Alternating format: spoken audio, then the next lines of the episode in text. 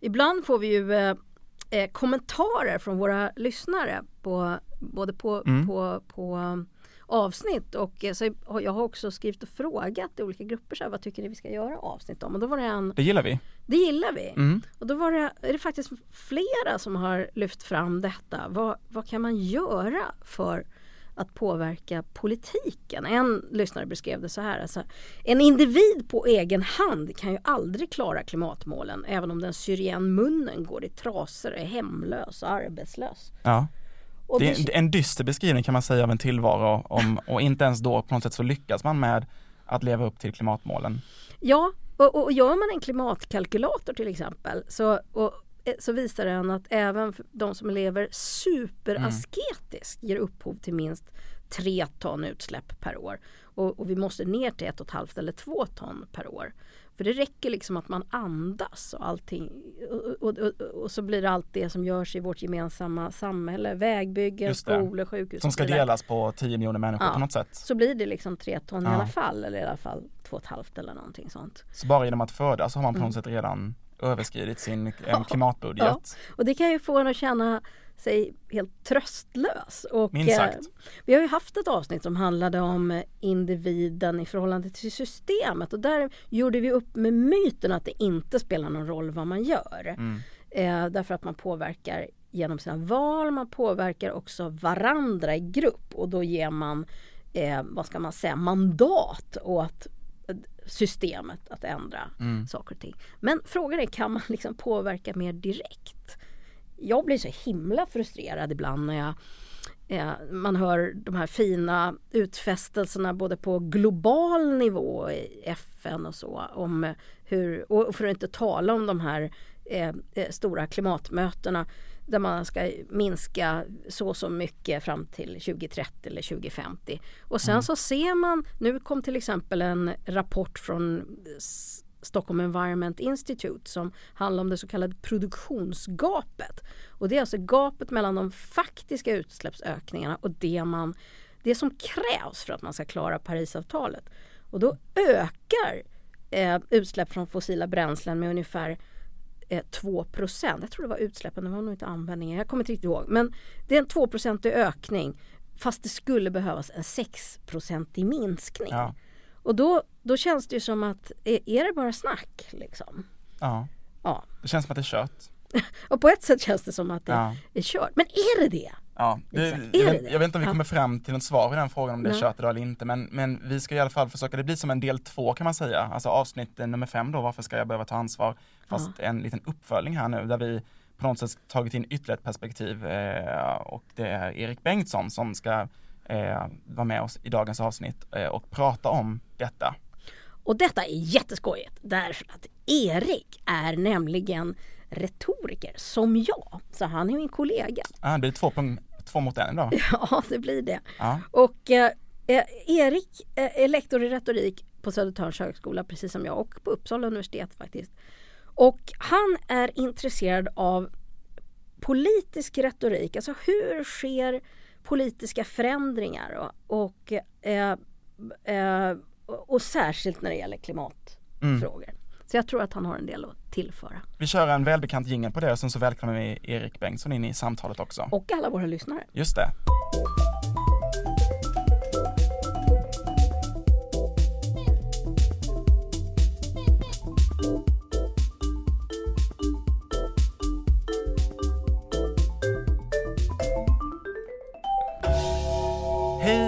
Välkomna till ett nytt avsnitt av Klimatgap, podden där jag, Isak Janehäll och Maria Wollratz Söderberg utforskar gapet mellan kunskap och handling i klimatfrågorna. Hej Maria!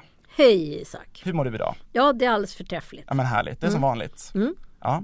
Jag tänker vi ska inte slösa någon tid alls här nu egentligen utan vi har ett extremt eh, intressant samtal framför oss och det är ingen mindre än som vi avslöjade, Erik Bengtsson som är med oss eh, idag via länk för att diskutera alltså hur vi som är små kuggor i ett stort system ändå kan påverka politiken och systemet. Hej Erik Bengtsson! Hej, jätteroligt att vara här. Ja, vad kul att du är här. Vad tyckte du om den här beskrivningen som den här lyssnaren hade, hade gett oss att eh, fast man syr igen munnen, går i trasor och är hemlös och arbetslös så kan man ändå inte på egen hand klara klimatkrisen. Det är hopplöshet utan dess like. Ja, alltså, eh, jag, håller, jag håller nog med om här, att, att man inte ska fokusera så mycket på bara på vad man kan göra som enskild individ, för då blir man ju deppig, utan man måste ja. fundera på vad kan jag göra som individ, men också vad, hur kan jag bidra till förändringar på ett större plan. Så jag tror man måste tänka både och. Eh, och därför tycker jag ni har gjort mycket viktiga diskussioner, men jag tänker också att man behöver ha mer, mer av det här systemperspektivet också. Just det. Och vad eh, betyder det då? Systemperspektivet? Ja. Jag tänker att, alltså jag är ju inte expert på hur löser vi klimathotet eh, mm. på ett systemplan rent politiskt. Alltså, vi tänker till exempel hur förändrar vi skogspolitiken eller sådana mm. saker. Men det är ju den typen av reformer som också måste till. Man måste fasa ut bilar och ja, ni vet, alla de här typerna av grejer. Så frågan är, hur får man politiker att ta de här frågorna på allvar? Det här är ju en grundläggande så här lobbyingfråga egentligen. Hur får vi politiker att agera? Och kan vi det... som är, är, små, små knattar eh, Så obetydliga är vi. Så obetydliga som vi är, kan vi göra det? Kan vi påverka politiker? Ja, men det, det är ju det, alltså det är klart att vi kan. Eh, men, man, men det här tror jag, det, man får tänka på två saker. En sak så får man tänka på att den här frågan är ju jättesvår. Alltså det, det går ju inte så att vi ska prata här nu och sen så finns det ett svar på nu kan Maria eh, imorgon eh, ändra politiska systemet, utan man måste tänka att eh, vi kan tillsammans, precis som vi tillsammans kan minska våra utsläpp och minska de globala utsläppen, så kan vi också tillsammans bidra till att åstadkomma förändring eh, på, över tid och gemensamt. Ehm. Jag tänker en, en, en, grundläggande definitionsfråga lite Erik Bengtsson, för att eh, det känns som att man har liksom en olik syn ibland på just det här systemet, där vissa menar på något sätt att systemet är ett, ett eget monster som vi kanske i och för sig har skapat själva, men som är liksom svårt att, att, liksom, att påverka, medan andra menar att systemet är ju alla vi tillsammans, så att säga. Systemet utgörs av alla människor, likt också politiken utgörs av att vi alla människor eh, ja, i alla fall då de som går och röstar, liksom, är en del av de politiska besluten. Vad är den mest korrekta liksom, definitionen, om vi ska nu, eller inte den mest korrekta, men kanske den mest användbara när vi ska diskutera detta idag? Alltså jag, eh, alltså de, det vi ska prata om nu är ju väldigt mycket, eller som, tänk, som jag tänker i alla fall, så är, måste man förstå liksom, hur fungerar det här systemet? För det som är är ju att även om vi alla tillsammans kan påverka så kan vi också göra massvis med typer av retorik, alltså olika typer av påverkansförsök som inte har någon effekt alls eller som till och med är kontraproduktiva. Så att, men för att kunna agera liksom retoriskt och försöka påverka så behöver man förstå hur det här systemet fungerar. Och då kan man dels fundera på, kan jag på något sätt på marginalen påverka systemets mekanismer?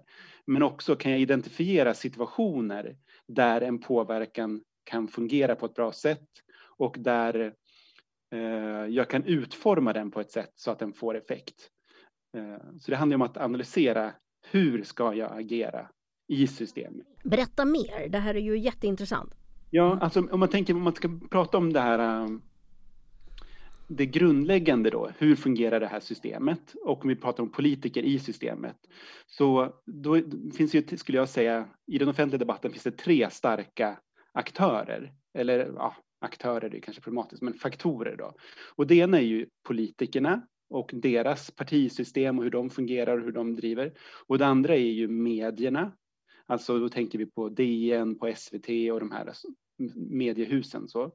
Och sen det tredje är eh, de sociala medierna som har fått en mer och mer eh, starkare betydelse och deras logik påverkar både politikerna och medierna. Så att om vi ska fundera på hur, eh, hur vi ska agera här så måste vi se på det här sambandet mellan de här tre. Mm. Och hur kan man förstå det sambandet då? Ja, alltså här, här lutar jag mig ganska mycket mot det, den forskning som har gjorts inom, ja, inom medie och kommunikationsvetenskap. Så. Eh, och en av de starka eh, beskrivningarna som finns där hur det här fungerar handlar ju om politikens medialisering. Och där pratar man ju om att eh, politiker, vi har gått från ett system historiskt där politiker har tänkt utifrån sin politiska logik och agerat utifrån den. Men ju mer och mer har politi politikerna blivit orienterade efter vad som rapporteras i medierna och de har också blivit mer marknadsorienterade på det sättet att förr i tiden så hade, var man socialdemokrat när man föddes och sen så röstade man på Socialdemokraterna hela sitt liv och sen så dog man så. Mm. Och en spad gjorde likadant, alltså lite förenklat då. Mm. mm.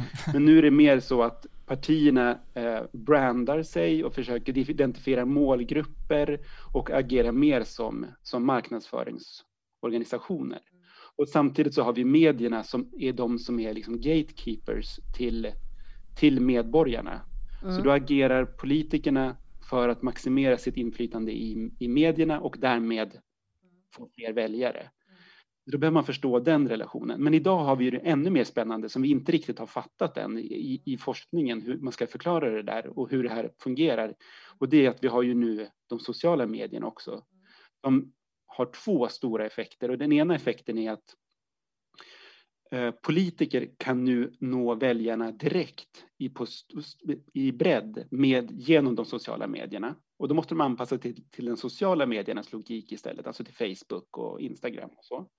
Och den andra är ju att medierna eh, i väldigt hög grad är beroende av kanske framförallt Facebook för att få folk till sina eh, hemsidor och till och sina nyheter. Och det gör att också medierna anpassar sig till Facebooks logik. Mm. Eh, så att det är den här eh, sambanden vi behöver, vi behöver se. Och om vi ska påverka politiker då så kan vi också vi kan vända oss direkt till politiker, men vi kan också se vilken påverkan kan vi ha eh, genom vår mediekonsumtion och genom att vända oss till medierna och genom vår sociala medienärvaro och hur vi använder sociala medier. Men jättespännande, det här är ju en sorts tredelning av olika typer av sätt att påverka. Vi kan väl ta en åt gången då och fundera över vad kan man, vad kan man göra om man vill... Vilken ände tycker du vi ska börja, Erik? Ja, vi, är, vi kan väl börja med politikerna? Ja, kanske? vi börjar med politikerna. Om man vill nå politiker och påverka direkt, politiken direkt, vad kan man göra då? Alltså en, en sak man ska tänka på då, tycker mm. jag, och det är att man måste ju fundera över vad politiker har för intresse. Alltså vad har de för drivkrafter och vad har de för värderingar?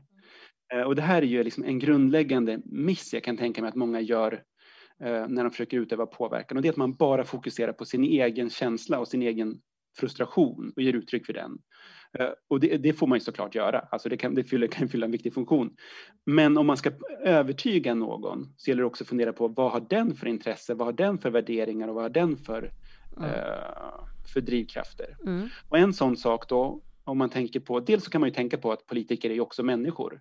Så att allting som ni har pratat om, om hur människor fungerar och hur vi liksom legitimerar vår brist på handling och sånt som ni pratade om i tidigare avsnitt, gäller ju också för, för politiker. Eh, så att all typ av sån här generell eh, medvetandehöjning är ju viktig. Men du, det du säger nu pekar emot att man på något sätt också behöver vara empatisk i förhållande till politiker. Ibland blir man ju bara arg. Ja. Och då tänker jag, jag har tänkt mycket när jag, jag har en del vänner som är politiker och jag förstår inte hur de står ut därför att de alltid, ja det också, men att de alltid är i kläm. Det är, som, det är som att det är ett villkor de har att förhålla sig till, att, det är att de alltid är i kläm. Vad de än gör så får de skit. Och det tänker jag är en sån där grej som vi rätt lätt glömmer tror jag när vi bara blir förbannade. Ja, eh, så är det absolut. Och sen är det mm. klart att eh, politiker lyssnar väl också på om det får Alltså om de får jättemycket kritik för saker, om de märker att det här gick inte hem alls. Men en sak att tänka på som är kopplat till det här med att prata om politikens marknadsorientering, är vilka är det politikerna lyssnar på? Mm, vilka är det de Grejen är att de lyssnar ju på framförallt då på sina egna väljare eller på möjliga potentiella väljare. Mm. Och det innebär att om du ska skriva till en eh, socialdemokratisk eh, riksdagsledamot och du är moderat. Eh, om du då inleder med att skriva att jag aldrig någonsin röstat på Socialdemokraterna, jag tänker aldrig göra det och eh, nu har jag fått ännu mer vatten på min kvarn. Alltså, då, jag menar, det är ju ingen sosse som, som läser längre än de tre raderna då. Förutom möjligtvis för att skratta lite eller något sånt.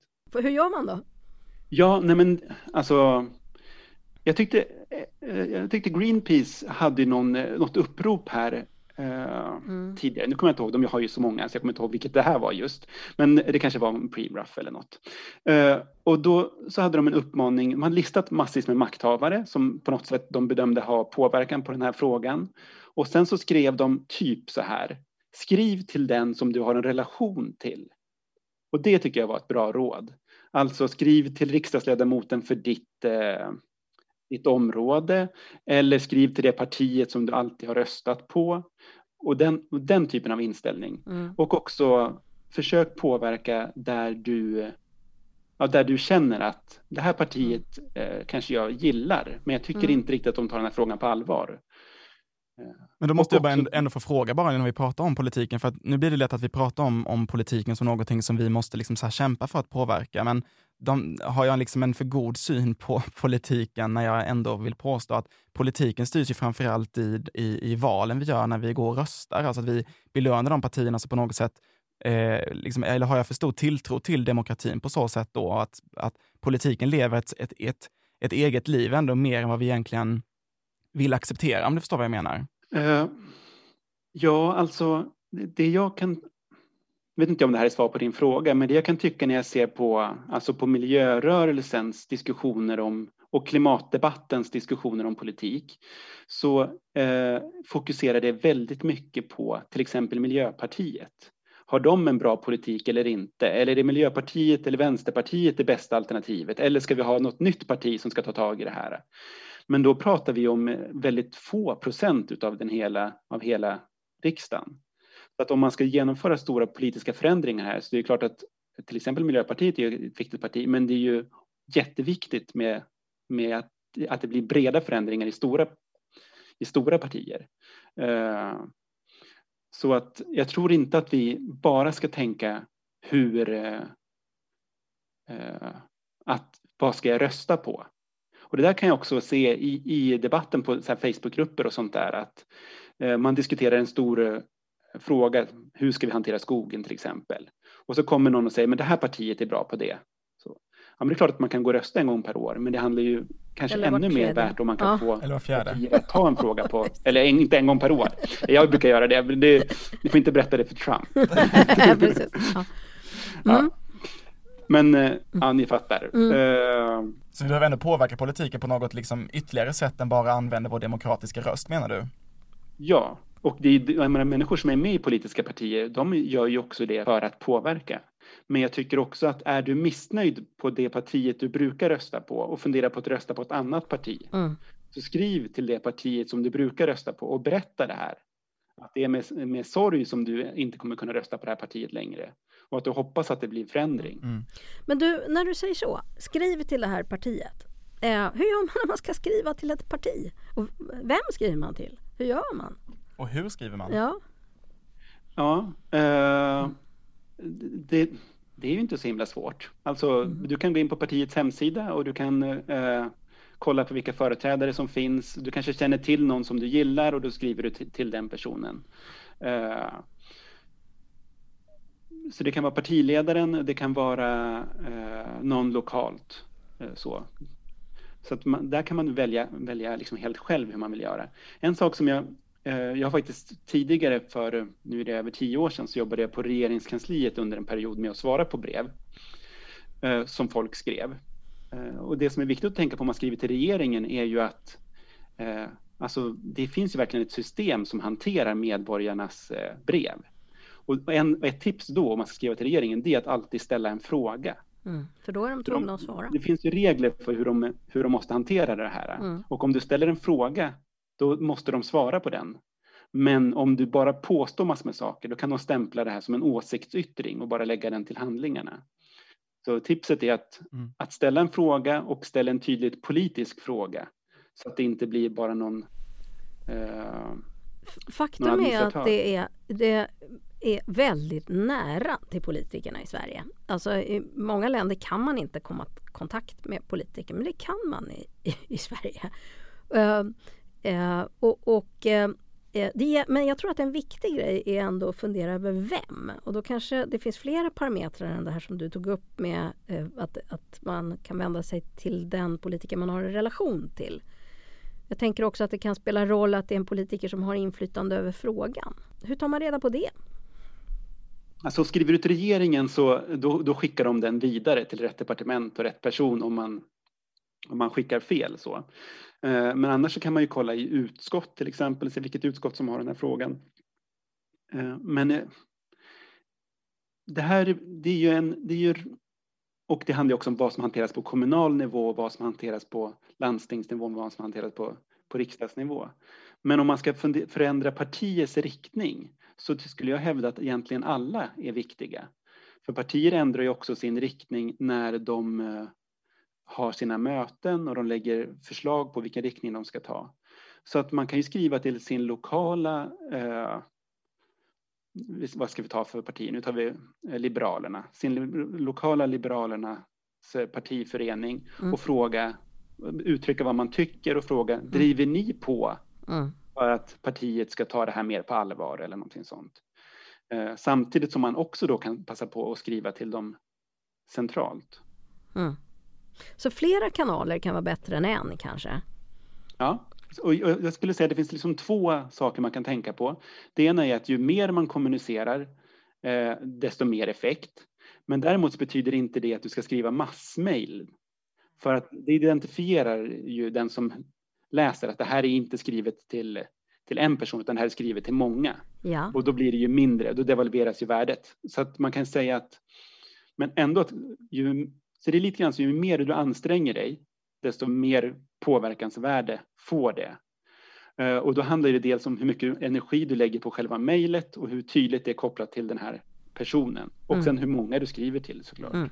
Men är det inte också så att det kan vara en bra idé att vara många som skriver?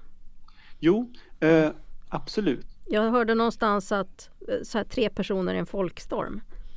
Ja, eh, och även eh, att man kanske har en förening, för det vet ju, politiker vet ju hur mm. föreningar fungerar. Mm. Så att om du har en förening och ni har haft ett årsmöte och sen bestämmer ni på årsmötet att ni ska skriva ett, en, eh, eller, eller styrelsen har bestämt eller så där, då vet, ju, då vet ju en politiker att det här är några som har diskuterat det här och det är alltså flera människor som står bakom det här eh, och förväntar sig ett svar. Så nyttja demokratin på fler sätt än bara de demokratiska valen helt enkelt. Ska vi leda oss vidare till eh, medierna i sig istället då, Erik? Eh, och precis som du sa där så finns det ju många teorier om hur medierna är egentligen liksom de verkliga dagordningsstyrarna, så att de, de liksom sätter agendan på vad både politiker och vi andra tycker är viktigt genom vad de väljer att fokusera på. Vad kan man mer säga om mediernas roll när det kommer till de här frågorna och hur vi kan påverka det? Ja, alltså det som du tog upp nu, det här med den här dagordnings... eh, är ju, är ju liksom den, kanske den centrala frågan. Eh, för politiker vill ju ha medieuppmärksamhet och de agerar ju utifrån det som eh, de tror kan få uppmärksamhet i, i, i media. Eh, och det här med mediernas roll är något som är väldigt omdiskuterat i, alltså i klimatrörelsen så här, i bred bemärkelse. Men en sak som jag tycker är viktigt att poängtera där då, det är också att det handlar inte bara om att media ska skriva om hur allvarlig klimatkrisen är, utan det handlar också om att media har en uppgift som de själva identifierar sig med, eh, som de som granskar makten.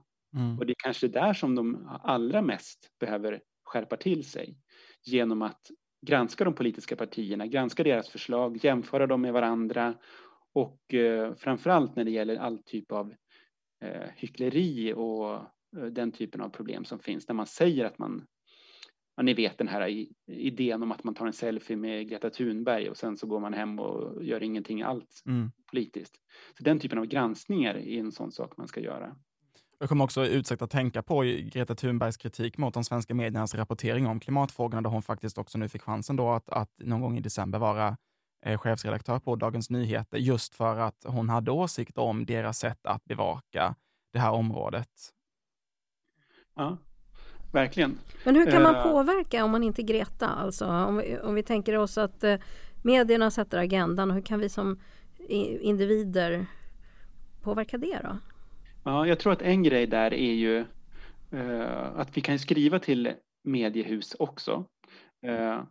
Men samma sak tror jag gäller där, att bara skriva och vara arg och skälla på dem som fienden eh, Det får man göra om man vill, men jag tror inte att det kanske är det mest effektiva. Och dessutom så finns det ju eh, en viss stolthet i journalistkåren generellt som bygger på att man själv ska avgöra vad man rapporterar om och att man inte är någon lobbygrupp. Mm.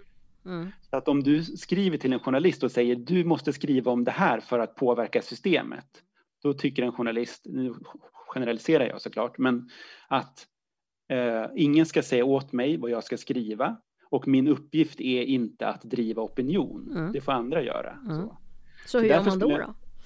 Så en, så en sak jag skulle, men två tips har jag då. Mm. Det ena tipset är att skriva till journalister och påminna dem om deras granskande uppdrag. Säga att jag är en enkel medborgare. Jag, jag märker att politikerna inte gör tillräckligt. Jag känner inte att jag har någon som tar min röst och som granskar dem ordentligt. För det här, eh, den, den typen av granskning saknas. Det skulle jag vilja se. Och då talar man till journalisterna utifrån den värdering som finns i yrkeskåren och den stolthet som finns över sin mm. uppgift. Mm. Det här påminner mig om någonting som eh, eh, Mattias Goldman sa, som eh, vi också haft med i ett eh, avsnitt av Klimatgap, att, att ett bra sätt att prata med folk som man vill påverka, om det så är politiker eller journalister, så är det att vara hjälpsam. Alltså att eh, han, han kallade det vara en löftesleverantör. Eh, de har eh, en uppgift och en, ett, ett engagemang men kanske inte så lätt för dem att realisera det. Och om man kan hjälpa dem med att tänka hur det kan realiseras.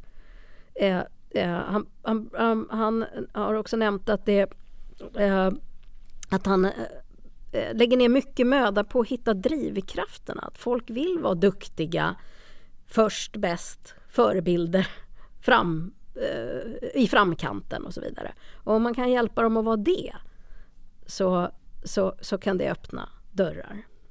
Ja, jag, jag håller helt med och det här är liksom, det, var egentligen, det leder över till mitt andra tips som är att just ge dem tips. Mm. Eh, att serva journalisterna istället för att skriva utan att säga vad man ska göra. Ni måste bara skriva mer om klimatet. Så istället kanske du själv så här, eh, ta reda på vilka är de stora utsläpparna i vår kommun eller någonting sånt. Eh, och sen så skriver du till eh, den lokaltidningen och sen så berättar du att jag har tittat på att det här är de stora utsläpparna. Det vore jätteintressant att få ett reportage om det. Eller du hitt, att, som att man tipsar journalister om sånt som om nyheter helt enkelt. Du, jag tror att du säger något jätteviktigt nu, nämligen att inte glömma bort lokal tidningarna, lokalpress, lokala initiativ. Eh, för det är ju också, och faktiskt även lokal politik. Därför att det är ju väldigt mycket där verkställandet sker. Mm. Verkligen. Mm. Eh, och det är också de lokala politikerna är ju också de som eh, har makt över att påverka inriktningen på sina på sina partier med, med vad de gör. Alltså, det har ju såklart den centrala partiledaren också. Eh, jag brukar ibland, nu får du säga Isak eh, ursäkta mig här, men ibland när jag har föreläst om eh, hur man påverkar alltså, journalister, alltså mediehantering och så, då brukar jag säga att journalister är stolta och lata. Vad säger du om det Isak, du som snart är färdig journalist? Ja. Jag, jag, måste, jag måste få modifiera det, för det här med lata är egentligen eh, lite felaktigt. Men, men det, det är en liten poäng. Mm. Och det är att de, de är stolta över sitt yrke och över att de har en självständig roll och har en viktig demokratisk uppgift. Mm. Eh, och, att, och därmed så blir de väldigt irriterade om framförallt företag vill, säga, vill styra vad de ska skriva om. Så. Man, man kommer undan mer som vanlig medborgare. Så. Men den här latheten det är egentligen kanske inte så mycket lata, utan det handlar om att de har extremt lite resurser och lite tid. Jag skulle precis säga att det har skett en extrem centralisering av, av eh, liksom media och, och nyhetsrapporteringen, där resurserna har blivit mindre och mindre och allting har flyttats till sin centrala organ som sen ska kopieras ut till, till, eh, till olika typer av medier. Men jag tänker ja. på, på en annan viktig roll, Erik, som, som medierna har i att vara ett forum för debatt, så att säga. Vad, vad kan vi säga om de liksom hederlig debattsidorna i, i våra tidningar. Är, är det också ett sätt att påverka via medierna på ett bra sätt, tycker du?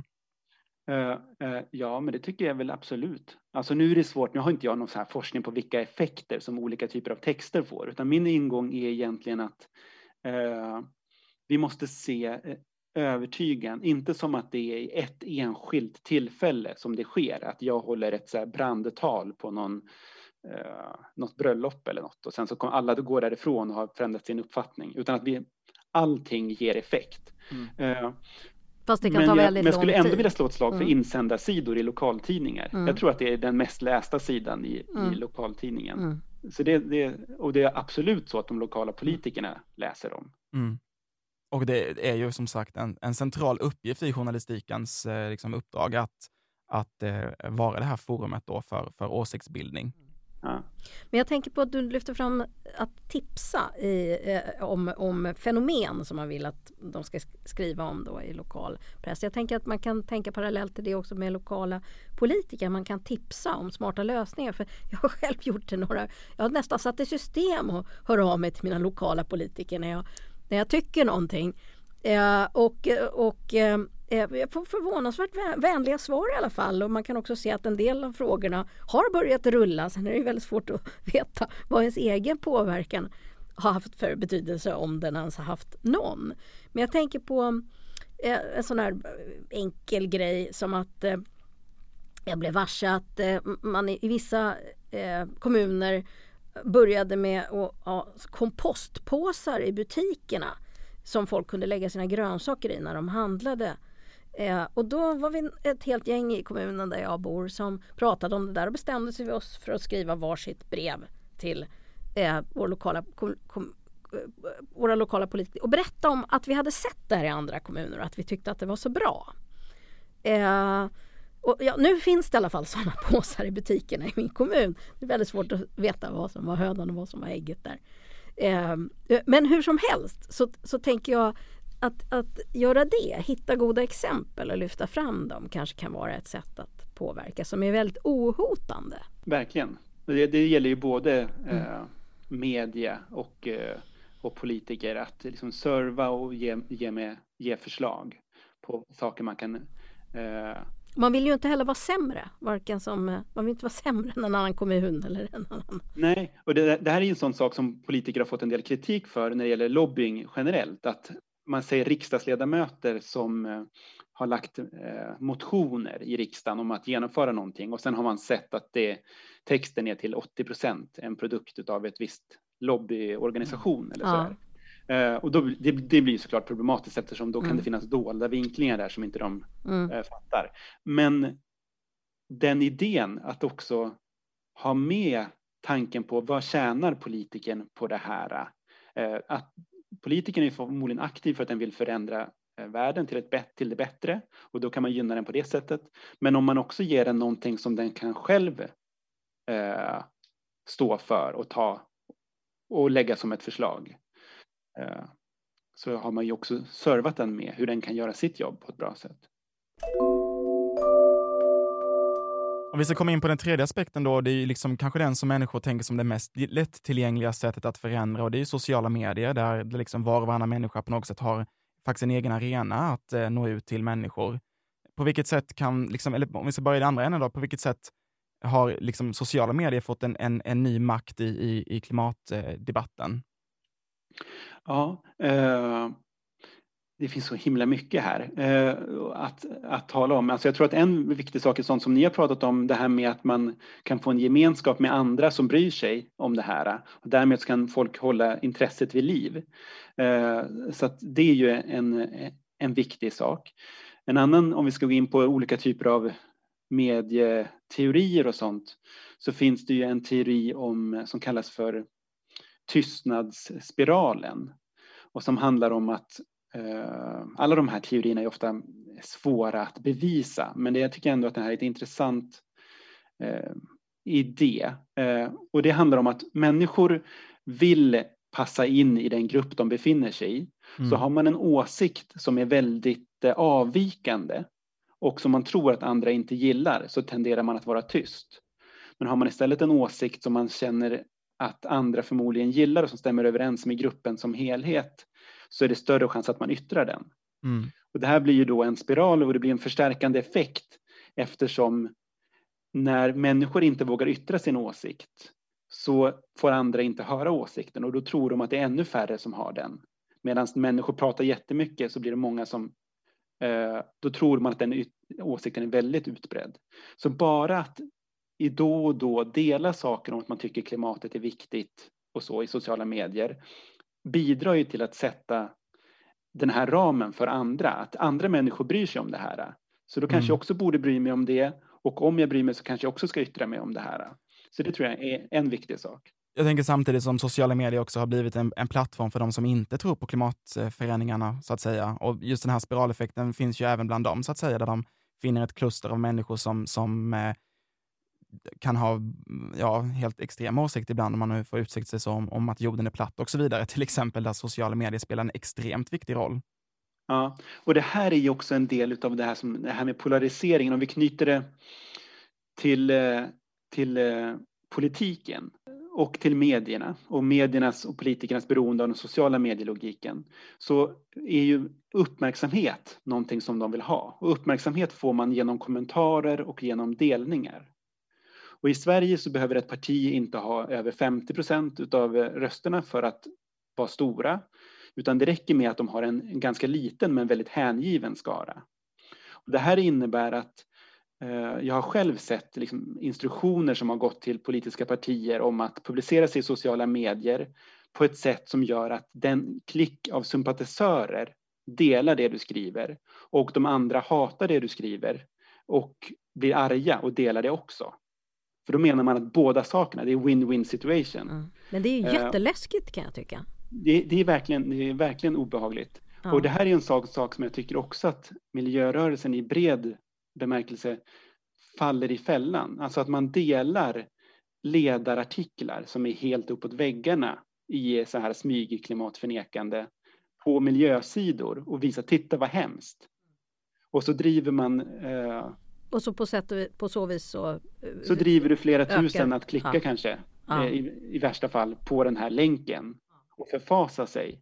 Men på redaktionen, där ser man bara att du har fått in 10 eh, 000 klick. Ah. På den här ledarskriven, skriv, sidan på en lokaltidning. Så dela inte tokerier blir väl en Nej, och ska du dela tokerier så ska ah. du ta en, alltså nu är vi inne på så här småknep då, men då ah. ska du ta en screenshot eller någonting och dela en bild så att du mm. inte driver trafik till den sidan. Ah. För då säljer du ju annons. Ah. Men om man vill jobba konstruktivt då istället och inte spela med i den här logiken, hur gör man då? Uh, inte spela med i logiken, det är ju svårt. Men om man vill jobba konstruktivt kan man säga att uh, Ja, men du kanske, du har ett eget företag säger vi. Det finns mm. ju även sådana eh, vanliga människor. Ring till eh, DN, nu bara hittar jag på någonting, men ring till DN och säger att jag vill jättegärna ha en annons i det här numret som Greta Thunberg eh, redigerar. Ja, ja. Kommer ni ha fler sådana temanummer? Ja. Eh, och då uppmuntrar man ju och visar att det finns även Eh, kommersiellt intresse för dem. Okej, okay. men om man inte har ett eget företag och massa stålar och köpa en annons i DN i det numret, vad gör man då? Alltså, om man tänker sig att man vill verka på sociala medier och eh, driva engagemanget för en fråga som man, man, man tycker är viktig. Hur ska ja. man göra för att inte falla i de här fällorna? Ja, nej, men det viktiga är ju att tänka på ja. att eh, eh, Alltså om du skriver saker själv och delar dem mm. eh, så, så är det ju liksom eh, det är ju ganska oproblematiskt. Så det är när du delar saker som andra skriver och så, som, det, som, som det kan bli problematiskt. Men det kan också bli väldigt bra om du delar saker som du gillar. Så eh, alltså bra eh, nyhetsrapportering till exempel, som goda exempel, då skickar du också en tydlig signal till den tidningen att det här är sånt som vi uppskattar. Men om du, om du har egna tankar och så uttrycker du dem eh, och, och vill få gehör i sociala medier för det, vad ska man tänka på då? då? Ja, alltså det här är ju... Då får en, du frågor som om du var ett orakel. Men man kan säga att det finns två eh, det finns ju två aspekter här. Ja. Eh, det ena är att en sak man har sett i forskning är att sånt som väcker anstöt och väcker känslor får väldigt mycket spridning i sociala medier. Men det här är också problemet, att vi kanske inte alla vill bli som de här mest provokatöra, prov, provocerande politikerna.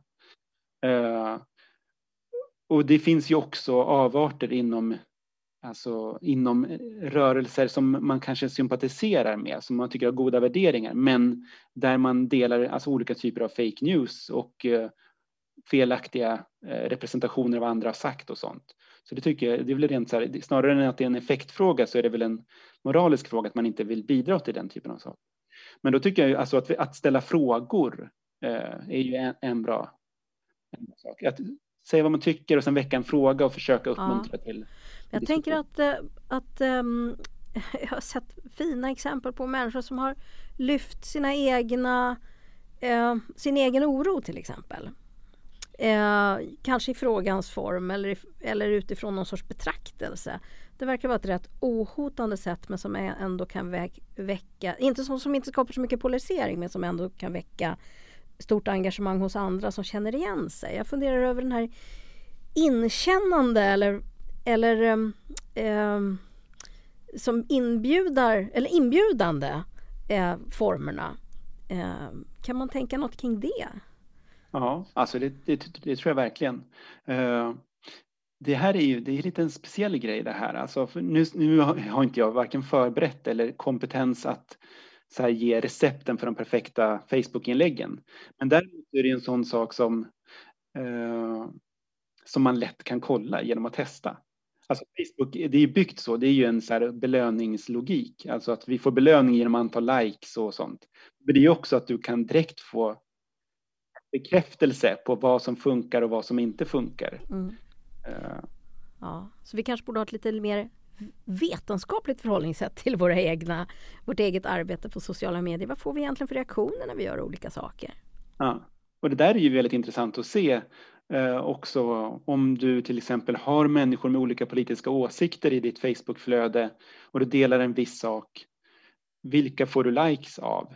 Och då märker du ju också vilken typ av argumentation som funkar på människor i olika politiska läger eller mm. sådana saker.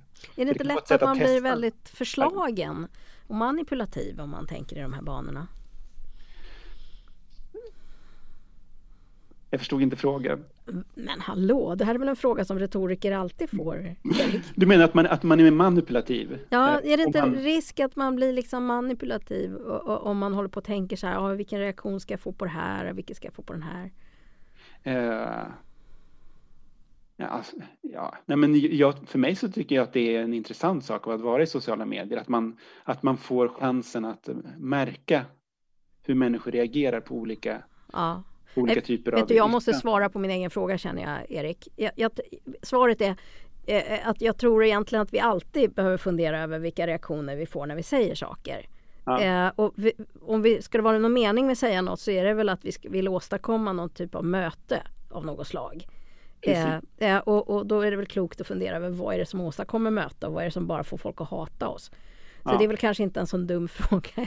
och sen så, alltså jag är väl en mm. sån där som eh, mm jag, jag, jag hejdar mig ganska ofta när jag skriver på sociala medier för att jag har så lätt att skriva saker. Eh, men man kan ju också ta bort ett inlägg. Alltså om du publicerar ett inlägg på din egen vägg och sen märker du att det här blev inte så konstruktivt eller det här kanske inte var mitt bästa tänk. Alltså då kan du ta bort det. Du behöver inte ligga kvar där för alltid. Liksom. Jag tänker när vi pratat om medierna, vi har pratat om politiken och sociala medier, har vi på något sätt, Erik, tycker du, ringat in liksom hela liksom, systemet nu? Alltså alla de aspekter som ligger liksom ut, utom vår egen kontroll med vad vi gör i vår egen vardag? Eller finns det några ytterligare liksom ingångar till att ändra det här systemet? Jag tänker på företag, den här typen av delar. Ja, uh, alltså jag tror mycket av den här typen av uh åsikter vi har om att man kan kontakta och att man kan tipsa funkar även på, på företag. Och också när det gäller eh, eh vad man, alltså att påverka medierna och att påverka politikerna så har ju också företag sådana möjligheter. Eh, så man kan ju också driva på företag för var de annonserar någonstans eller vad man konsumerar och den typen av, mm. av, av eh, frågor. Jag känner att jag vill dela med mig av en upplevelse när jag var ung så trodde jag att i, trodde jag väl kanske att ingen skulle bry sig om man hörde av sig. Eller att om jag ringer till en riksdagsman så är de inte intresserade av att prata med mig. Och sen ju äldre jag har blivit och nu är jag på sätt och vis i en privilegierad position för jag kan alltid säga att jag är forskare och så vidare och då lyssnar folk mer på en. Men även i andra sammanhang så har jag upptäckt att, att det är nog inte kanske så himla många som hör av sig. Så att eh, man får vänliga svar. Och eh, man vet naturligtvis inte hur mycket det påverkar men det är inte så svårt att få till en dialog i alla fall. Och, och jag tycker det har varit väldigt hoppingivande. Um, uh, och, och, jag känner mig mindre och mindre rädd. Det kanske kommer med ålder också. Mindre och mindre rädd för att höra av mig och säga Jag heter Maria Wollratz Söderberg och jag tycker så här. Man ska inte underskatta sig själv helt enkelt. Mm. Ja, jag tror egentligen att det största hindret för vår möjlighet att påverka, alltså nu vi är enskilda människor och det finns ett jättestort system liksom. Mm. Eh, men det är ju att vi tittar för mycket på Netflix. Liksom. Mm. Alltså jag älskar Netflix, men jag tror att egentligen så är det ju inte så att det är omöjligt att få en politiker att lyssna på oss. Nej. Utan det är ju att vi istället håller på med annat, rörelse liksom, vilket är ju inte fel, men jag tror det är den stora hindret. Vi slog fast i det här tidigare avsnittet när vi diskuterade det här senaste gången, eh, Erik, att vi i många andra lägen vill liksom tro på oss själva som extremt viktiga i samhället och att vi har en stor roll att spela och att vi vill ha lämnat ett avtryck när vi liksom har gjort vår stund här på jorden. Men när det just kommer till klimatfrågan så använder vi liksom en motsatt eh, argumentation snarare, att vi är så oviktiga och vi är bara en liten individ i ett litet land i en liten världsdel. Kan vi slå fast någonting annat idag kopplat till det? Efter vårt samtal? Eh, men jag tycker det, alltså, eh, jag tycker vi ska eh, liksom vara tacksamma över den demokrati vi lever i och de möjligheter vi har att påverka och att försöka eh, ta tillvara på den möjligheten. Och det här har vi också en sån grej att vi, men då kan man åtminstone säga att man har gjort allt man kan eller att man har gjort någonting. Så. Men sen tycker jag en, en sak som vi kanske inte har pratat så jättemycket om, eh, som jag tycker är viktig, när man försöker att förstå den här debatten och försöker förstå olika aktörer i den, det är att se var kommer de ifrån när de argumenterar mot klimatförändringarna eller mot ett visst förslag och att försöka se, är det någonting jag kan eh, ta, till, ta tillvara på där? Vad menar eh, du? Var kommer de ifrån? Inte jag menar till exempel eller? så ja. har jag noterat att när, eh, nu vet jag att ni brukar undvika liksom partipolitiska diskussioner här, men, mm. men eller ni, det har i alla fall varit så. Men jag har Prov, noterat prova på det får vi se om vi klipper det. Mm. Ja. ja, vi gör så. Det är tydligen live. Nej, det här kommer ni inte klippa för det här kommer bli så himla bra. Ja. Nej. Nej, men om, jag har noterat att när borgerliga debattörer och framförallt kanske mot den mer konservativa flanken diskuterar klimatförändringar så gör man det till jättestor del genom att kritisera Miljöpartiet. Eh, och man kan ju tänka då att en respons är att försöka försvara Miljöpartiet för man tycker att kritiken är eh, kanske onyanserad eller sådär. Och det kan man ju göra och då får man en diskussion med en moderat eller eh, sverigedemokrat eller kristdemokrat om huruvida Miljöpartiet har bra eller dålig politik eller inte. Eh, jag tror inte att man kommer så långt med en sån diskussion. Men om man istället väljer vinkeln, du har en poäng med kritiken mot Miljöpartiet förutsatt att den har någon form av poäng. Att deras politik kanske inte når hela vägen eller att de missar flera stora aspekter. Men jag skulle jättegärna se att det block som du står för eller att du som person presenterar dina bättre lösningar. Och då har man på något sätt utgått ifrån den här grunden som den andra personen driver sin argumentation på, en kritik mot en viss parti. Men man, har, men man, man leder, leder i en konstruktiv eh, riktning. Mm. Och inom miljörörelsen till exempel så nu så är det ganska stor debatt om eh, skogsindustrin. Det finns liksom en, eh, en strävan efter att bland vissa då, att porträttera skogsindustrin lite grann i samma påse som eh, fossilindustrin, som i sin tur är lite grann i samma påse som vapenindustrin och tobaksindustrin. Eh, och det kanske är rätt och det kanske är helt rättvist. Men, eh, och sen blir det en för och emot skogsindustri. Mm. Men kanske ska man hellre väcka frågan som kan vara en gemensam fråga. Hur ska vi förbättra skogens upptagning av koldioxid över tid. Då kanske man kan hitta gemensamma lösningar istället för att det blir bara för och emot. Alltså jag tycker att den typen, att fundera på vad har vi för grund här? Kan vi hitta någonting där vi tillsammans kan... Mm. Då får man lyssna noga. Vad, är, vad, finns det i det här motståndet som skulle kunna vara något att bygga på? Ja. ja. Om någon yttrar en åsikt kan man fråga varför tycker du så här? Mm. Och då får man fram någon form av värdering, någon form mm. av mm. eh, vad som är viktigt för den personen. Och då kan man utgå från det och se, är det här någonting som vi kan bygga på konstruktivt? Mm. Vi har inga borgerliga partier idag liksom, att ge sin syn på saken, men vi tackar ändå för din reflektion. Vi tackar framför allt för att du var med i dagens avsnitt av Klimatgap och hjälpte oss att reda ut lite på hur man som en eh, eh enskild, enskild liten, vad är det vi brukar kalla oss, som en kugge? En liten knatte i, i det här gigantiska eh, systemet ändå kan ha större påverkan än vad vi kanske tror. Jag känner mig gladare nu. Ja men det är bra. Det är rätt utgångspunkt att det går åt det hållet. Mm. Känner du dig gladare också Erik? Ja, eh, det, det är jag. Jag blir alltid glad över att prata med Maria och nu är vi glada för chansen att prata med dig Isak också. Ja men vad roligt att höra. Vi tackar dig så jättemycket för att du var med i dagens avsnitt. Det får bli lite så avslutande ord faktiskt där. Ett jätteintressant eh, samtal. Tack så mycket, vad kul att vara här. Tack. Och tack till dig Maria för dagens avsnitt. Ja, det var skoj. Du skötte dig bra. Jag, jag, tycker faktiskt att jag behövde inte skämmas för dig heller. Nej, men vad skönt att höra. Vi ska också tacka vår eh, vikarierande tekniker Alexander Hannervall för som sitter här bakom glasrutan och ser till att detta hörs ut. Och vill du lyssna på oss så gör du det där poddar finns. Och vi kan ge ett litet hett tips då om att man kan lyssna på avsnitt nummer fem. Varför ska jag behöva ta ansvar? Som en liten eh, antingen uppvärmning eller som en nedvärmning efter detta eh, maxade avsnittet tillsammans med Erik Bengtsson. Klimatgap produceras också, ska vi säga, av Södertörns högskola.